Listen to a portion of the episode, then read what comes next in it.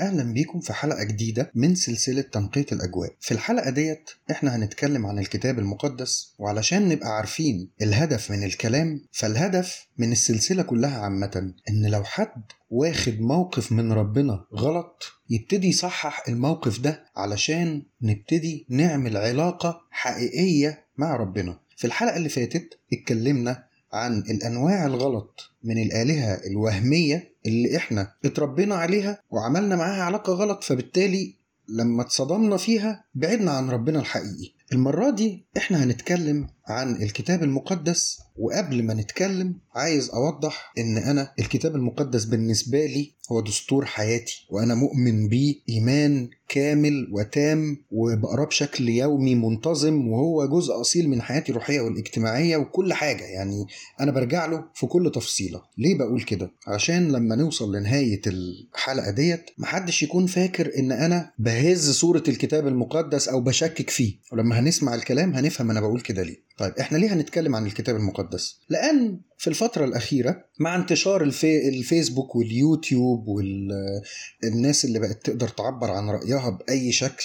بدون دراسة وبدون أي خلفيات عن الكلام اللي بتقوله بقينا بنشوف كمية ناس على الإنترنت وخصوصا الملحدين بيتكلموا عن المسيحية والإيمان المسيحي المبني على الكتاب المقدس ونلاقيهم كأنهم بيقولوا إن اللي يؤمن بالكلام ده يبقى يا إما إنسان أهبل يا متخلف. ويبتدوا بقى يجيبوا آيات ونصوص من الكتاب المقدس ويقول لك آدي يا عم أهو بيقولوا مش عارف إيه وتطلع غلط. أو آدي يا عم الآية بص بتقول إيه وهو ربنا يعني دي صفة من صفاته إنه يبقى كده. هو ربنا بينسى هو ربنا بيندم. عشان يقول لك ندم الرب عن الشر الذي كان يريد أن يفعله. هو الكتاب المقدس بيقولوا إن الجزء الفلاني فيه ده اتضاف للنص مش عارف بعد إيه. آدي يا عم هو بيثبت لك إن الكتاب المقدس ده محرف ومش نازل من عند ربنا. ودي مشكلة على فكرة بتقابلنا مع أخواتنا كمان مش بس الملحدين مع أخواتنا اللي مش مسيحيين زي المسلمين. لأن في اختلاف في مفهوم الوحي. بيننا وبينهم فهم شايفين إن الوحي ده إنزال كده من عند ربنا بطريقة معينة. فإزاي أنت جاي تقول لي الآية ديت وأصل مفهومها كذا وترجمتها؟ يعني إيه ترجمتها؟ هو مش المفروض إن الكلام واحد؟ فده بيشكك الناس والشباب في إن الكتاب المقدس ده هو كلام ربنا بجد. فبتبتدي الناس وبيبتدي الشباب يبعدوا عن ربنا بحجة إنهم اكتشفوا إن الكلام المكتوب في الكتاب المقدس ده هم شايفين بناء على الكلام اللي بيقولوه الناس بتوع الإنترنت إنه كلام غلط. طيب تعالوا قبل ما نتكلم إذا كان الكلام ده غلط أو صح ناخد كده فقرة تاريخية شوية عن المسيحية كديانة من الديانات الرئيسية في العالم وإزاي نشأت. لو رجعنا للتاريخ هنلاقي إن ربنا يسوع المسيح اتولد تقريبا سنة أربعة قبل الميلاد تاريخيا يعني. اتولد من عذراء يهودية عايشة في فلسطين اسمها مريم وعاش على الأرض فترة تقدر تقريبا ب 33 سنة.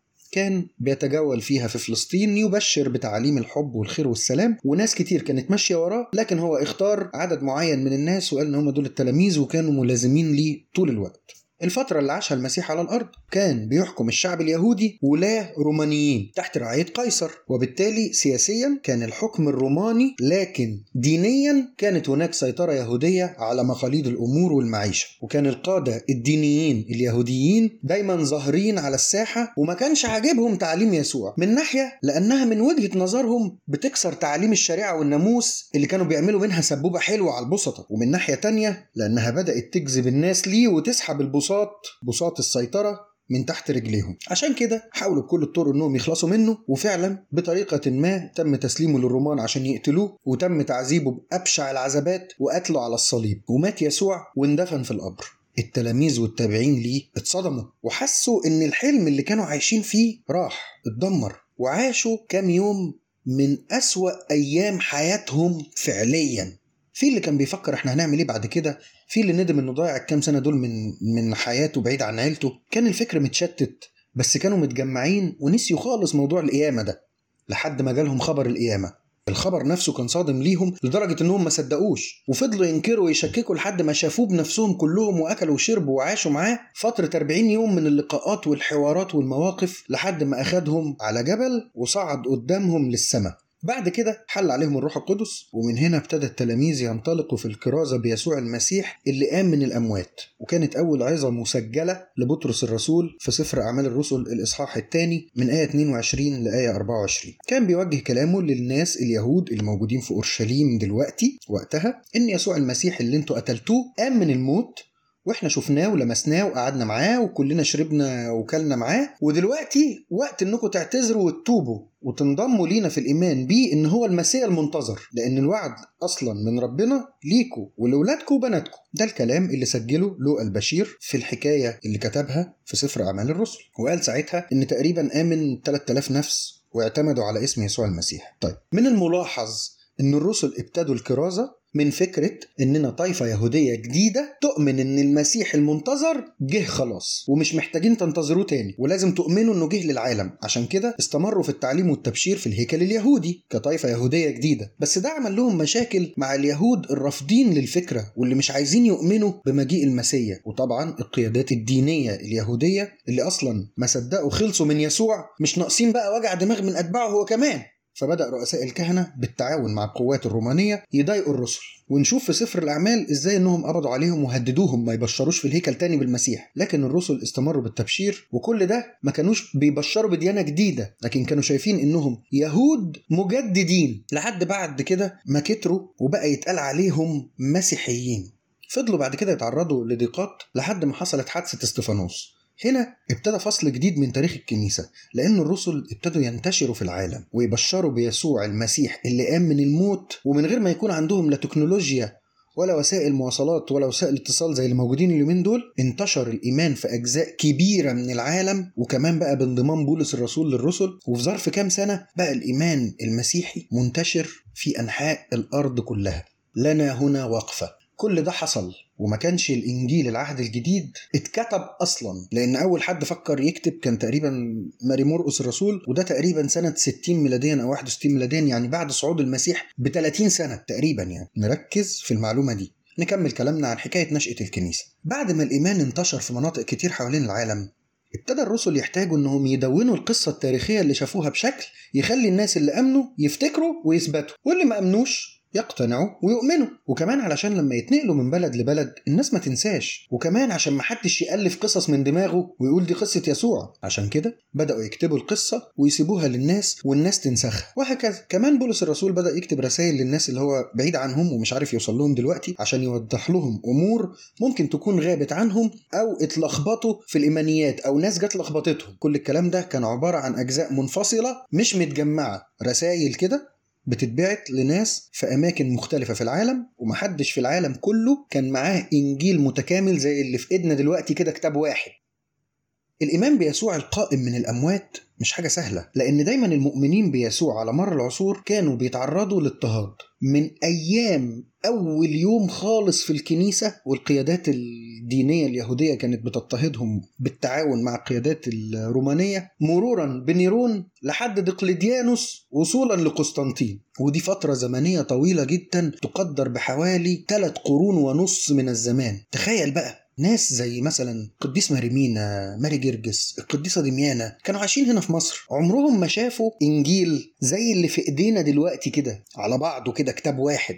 وممكن يكونوا أصلا في أجزاء من الإنجيل يكونوا ما شافوهاش. ومع ذلك آمنوا بالمسيح القائم من الأموات وتعذبوا عذابات مريرة ونالوا إكليل الشهادة على اسمه ومحدش أنكر إن دول مؤمنين. بالعكس لحد لما الملك قسطنطين جه كان الإيمان بالمسيح حاجة مخالفة للقانون. وقسطنطين نفسه ما كانش مسيحي. بالرجوع للكتابات التاريخية نلاقي إن قسطنطين خلى المسيحية شيء قانوني. مش علشان إيمانه العميق بالمسيح لكن عشان يوحد المملكة بتاعته. لأن هو وجد إن الشيء المشترك اللي أغلب الناس متفقين عليه في الأماكن اللي عمل عليها غزو وتملكها كان المسيح وقيامته من الموت. كل ده وما كانش لسه الكتاب المقدس اتجمع بشكله اللي في إيدينا دلوقتي. يعني هو غالبا الكتاب بقى كتاب كده على بعضه بعد مجمع نقيه هل ده ينفي إن كانت في كتابات للكتاب المقدس موجودة ومنتشره على مستوى العالم؟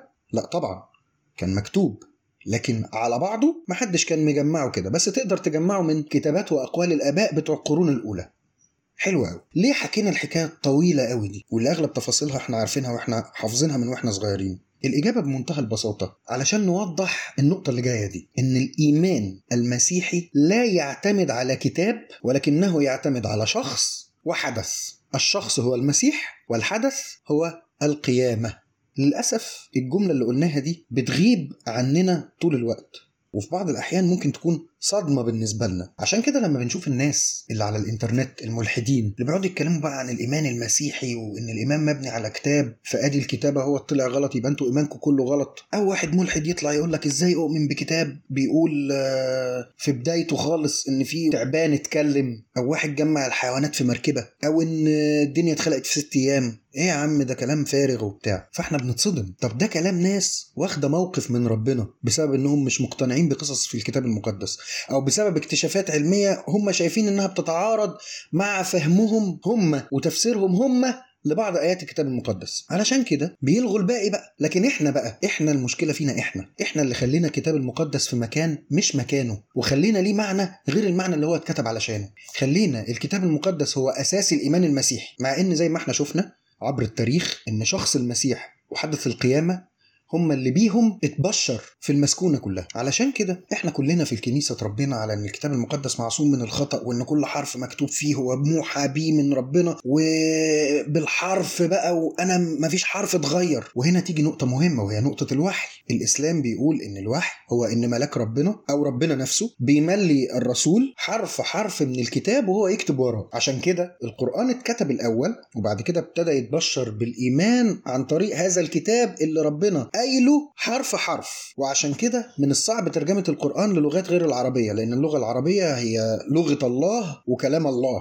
هو ده اللغة المكتوب فيها. ده من وجهة نظر الإيمان والفهم الإسلامي للوحي. وده اللي بيعمل مشكلة لإخواتنا المسلمين مع الكتاب المقدس لأنهم شايفين إن الكتاب المقدس محرف عشان اللغة اللي مكتوب بيها مش نفس المعنى في اللغة المترجم منها. وده مش مفهومنا إحنا كمسيحيين إطلاقا عن الوحي. ولا يمت للإيمان المسيحي ولا التعاليم المسيحية بصلة. نحن لا نؤمن إن ربنا قال لمتى اكتب كذا كذا أو ظهر لمرقس وملاه الكلام وقال له اكتب كذا كذا. لكن إحنا نؤمن إن ربنا أوحى للناس دول إنهم يكتبوا قال لهم حاجات كتير سواء في العهد القديم أو في العهد الجديد وساب كل واحد يعبر عن الحكاية بطريقته ولغته وأسلوبه. المهم إن الجوهر نفسه ما فيهوش خطأ. يعني ما فيش اتنين مثلا في الكتاب المقدس حاكين حكاية تاريخية واختلفوا على النهايات. يعني مثلا مش متى قال لك المسيح اتصلب ولو قال لك مثلا ده المسيح وقع من على جبل مثلا. لا طيب فين المشكلة؟ المشكلة إن إحنا علشان ندافع عن إيماننا المسيحي خلقنا حالة أسطورية للكتاب المقدس إنك يا إما تؤمن إن كل حرف فيه هو صح بنسبة 100% زي ما هو كده حرفيا بمعناه الحرفي باللغة اللي أنا بقراه بيها يا إما لا تؤمن خالص بالمسيح ولا المسيحية ولا الكتاب المقدس. طيب تعالوا كده ناخد درس في اللغة عشان نشوف هل فعلا الكتاب المقدس حرفيا ينفع يتاخد كده بالحرف ولا لأ. في سفر التثنية إصحاح 6 آية أربعة. الآية بتقول إيه؟ اسمع يا إسرائيل الرب إلهنا رب واحد. هقولها تاني. اسمع يا إسرائيل الرب إلهنا رب واحد. استخرج من الآية دي ما يثبت إن ربنا بيتكون من كذا أقنوم مش مجرد كائن مصمت واحد بس. اقراها بالعربي بالإنجليزي بالفرنساوي باللغة اللي تعجبك. مفيش في الآية دي ما يثبت إن ربنا بيتكون من أقانيم أو إنه أصلا بيتكون من حاجات معينة مش مصمت يعني. صح؟ طيب تعالوا نروح بقى للغة العبرية اللي اتكتب بيها الكلام ده. هنلاقي الآية بتقول إيه؟ شمع يسرائيل. أدوناي إلهيم أدوناي إخاد. شمع يعني اسمع يسرائيل يا إسرائيل. أدوناي إلهيم الرب إلهنا. أدوناي رب إخاد.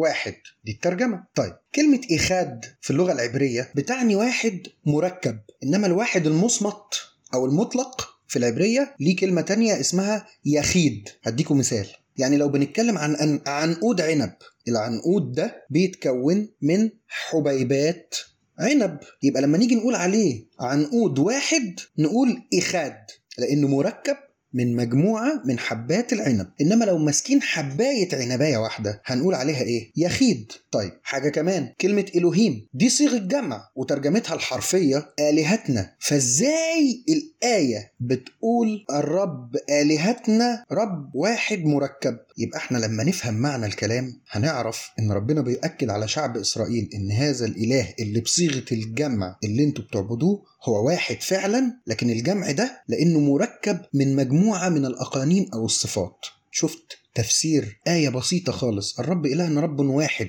وصلنا لإيه؟ دي معلومة بتأكد لنا إن وإحنا بنقرأ الإنجيل. مش شرط يكون فهمنا لكل حرف بنقراه هو الفهم الحقيقي أو المعنى الحقيقي اللي على أساسه اتكتب الكلام ده. وبالتالي قبل ما نتخانق ونتحمق بحجة الغيرة على ربنا بالأولى نحاول ندرس ونقرأ ونفهم هل إحنا بندافع عن الفكرة الصح ولا لأ؟ نرجع بقى لفكرة موضوعنا. الكتاب المقدس بالنسبة للمسيحية عامل زي شهادة الميلاد بالنسبة لك. هل شهادة الميلاد هي السبب في إنك اتولدت؟ ولا شهادة الميلاد دي وثيقة بتوثق إنك اتولدت بتاريخ كذا الساعة كذا.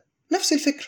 إحنا مش بنؤمن إن الكتاب اتكتب وبناء عليه المسيحية انتشرت. لا ده المسيحية انتشرت الأول وبعد كده بفترة اتكتب الكتاب ده لتوثيق هذا الحدث تاريخيا وخصوصا العهد الجديد. التوثيق ده ما كانش سهل أو بسيط. وبعض الناس بتقول إن القصة بتاعت المسيح دي أصلا أسطورة مع إن من المستحيل إنك تبشر بشخص إنه مات وقام من الأموات كأسطورة في وجود شهود عيان كانوا عايشين وقت الحدث ده. يعني لو أنت عايز تنشر أسطورة محتاج مثلا يكون فات عليها يجي 100 سنة كده عشان تكون الناس ماتت بقى وما يكونش حد من اللي حضروها عايش فتقدر تفتي بقى وتألف براحتك. تعالوا نشوف كده إزاي اللي كتب الجزء ده مثلا من الإنجيل كان حريص جدا على صحة ودقة حكايته. لوقا الرسول في الإصحاح الثالث من إنجيله ابتدى بالآيتين دول. قال لك وفي السنة الخامسة عشر من سلطنة تيباريوس قيصر إذ كان بيلاطس البنطي واليا على اليهودية وهيرودس رئيس ربع على الجليل وفيلبس أخوه رئيس ربع على إيتوريا وكورة تراخونيتس وليسانيوس رئيس ربع على الأبلية في أيام رئيس الكهنة حنان وقيافة كانت كلمة الله على يوحنا بن زكريا في البرية. وانت بتقرأ الجزء ده من الكتاب المقدس كده ممكن تعدي عليه عادي وما تركزش يعني. بس لو دققنا وخدنا بالنا كده هنلاقي لقى بيقول إيه؟ بيقول يا جماعة اللي عايز يدور ورايا يجي يدور ويشوف إذا كنت الكلام اللي أنا بقوله ده صح ولا غلط. خصوصا إنه لما كتب الإنجيل بتاعه كان في ناس لسه عايشين من الزمان ده. يعني هو بيقول في السنة الخامسة عشر من سلطنة تيباريوس قيصر كان في ناس موجودين حواليه حضروا السنة دي فعارفين إذا كان بلاطس البنطي واليا على اليهودية ولا لأ وهيرودس رئيس ربع على الجليل ولا لأ؟ وفيلبس أخوه رئيس ربع على ايطوريا ولا لأ؟ فلو هو بيحكي حكاية فيها غلطة ما كانش حد سكت له. بولس الرسول كمان لما قال إن المسيح ظهر ل 500 شخص مجتمعين بعد القيامة منهم ناس لسه عايشين لحد دلوقتي ومنهم ناس رقدوا. كأنه بيقول لهم روحوا اسألوهم. أكيد مش كل ال 500 يعني كان عندهم هلاوس. مرة واحد قال لو المسيح قدر يخلي 500 شخص يجي لهم هلوسة في نفس الوقت ويشوفوا نفس الشيء دي معجزة أعظم من معجزة القيامة بالنسبة لي. تعالوا نتخيل كده بطرس لما قال أول وعظة اللي بسببها آمن يجي 3000 نفس اتكلم عن إيه؟ اتكلم عن المسيح اللي اتصلب وقام من الموت. طب تخيلوا كده واحد راح سأله قال له يعني أنت مؤمن إن في حية اتكلمت وإن نوح جمع حيواناته في الفلك؟ طبعا بطرس مش هينكر إيمانه بحاجات زي كده، بس هو أنا ببشركم بشخص اسمه يسوع عاش وسطينا وأنتم شفتوه وشفتوا العجائب اللي كان بيعملها واتصلب واتدفن وده كان أصعب يوم في حياتي وفضلت يومين بعيط. لحد ما جت المريمات قالوا لنا إنه قام. وإحنا افتكرناهم اتجننوا. أنا قلت أكيد الجسد اتسرق. ورحت القبر اتأكد أنا ويوحنا ولقيناه فعلا فاضي. بس ظهر لي. وأما رجعنا لقيناه في وشنا في المكان اللي الكل متجمع فيه. اصطادنا سمك مع بعض من بحيرة طبرية وأكلنا مع بعض ومشينا واتكلمنا وقال لي حاجات كتير. هتقول لي بقى الحيه اتكلمت ما اتكلمتش. نوح جمع الناس الفلك ما جمعهمش. ما يهمنيش. ما يهمنيش إزاي أي حاجة تانية حصلت. المهم إنه قام من الموت. إيه الخلاصة؟ أنا مش بقول الكلام ده علشان أشكك في صحة الكتاب المقدس أو اقلل من أهميته. لكن كل ما في الموضوع إن الشيطان بقى بيستخدمه في الحرب ضد ربنا مع إن الإيمان أصلا انتشر في عدم وجوده وللعلم. لحد القرن ال15 تقريبا ما كانش الكتاب منتشر زي دلوقتي في كل بيت عشان الطباعة كانت غالية ومكلفة. يعني الكتاب المقدس قاعد 15 قرن مش موجود في بيوت المسيحيين إلا الأغنياء منهم أو المقتدرين اللي هم يقدروا يجيبوا نسخة. لكن الناس كانت بتروح تسمع الكتاب المقدس في الكنيسة وكانت بتسمع اللي بيتقال لها. فالغرض من الحلقة دي هو إنك لو كنت واخد جنب من ربنا بسبب آية بتعثرك أو مش فاهمها أو بعدت عن ربنا بسبب تشكيك من شخص. انت شايف انه تشكيك منطقي أو اكتشاف علمي مضاد لفكرة. انت شايف ان الفكرة ديت موجودة في كتاب مقدس؟ ممكن ما يكونش المقصود بيها هو المعنى الحرفي. ما تقفش عندها. عيد النظر في الفكرة نفسها أو ارجع للأصل. دور دور ورا الكلام ومعناه. ارجع للأصل اللي هو الإيمان بالمسيح القائم من الأموات وحاول ترجع للمسيح وتقول له فهمني وحاول تفهم معنى الكلام وما تبعدش عن ربنا بسبب فهم غلط للكتاب المقدس.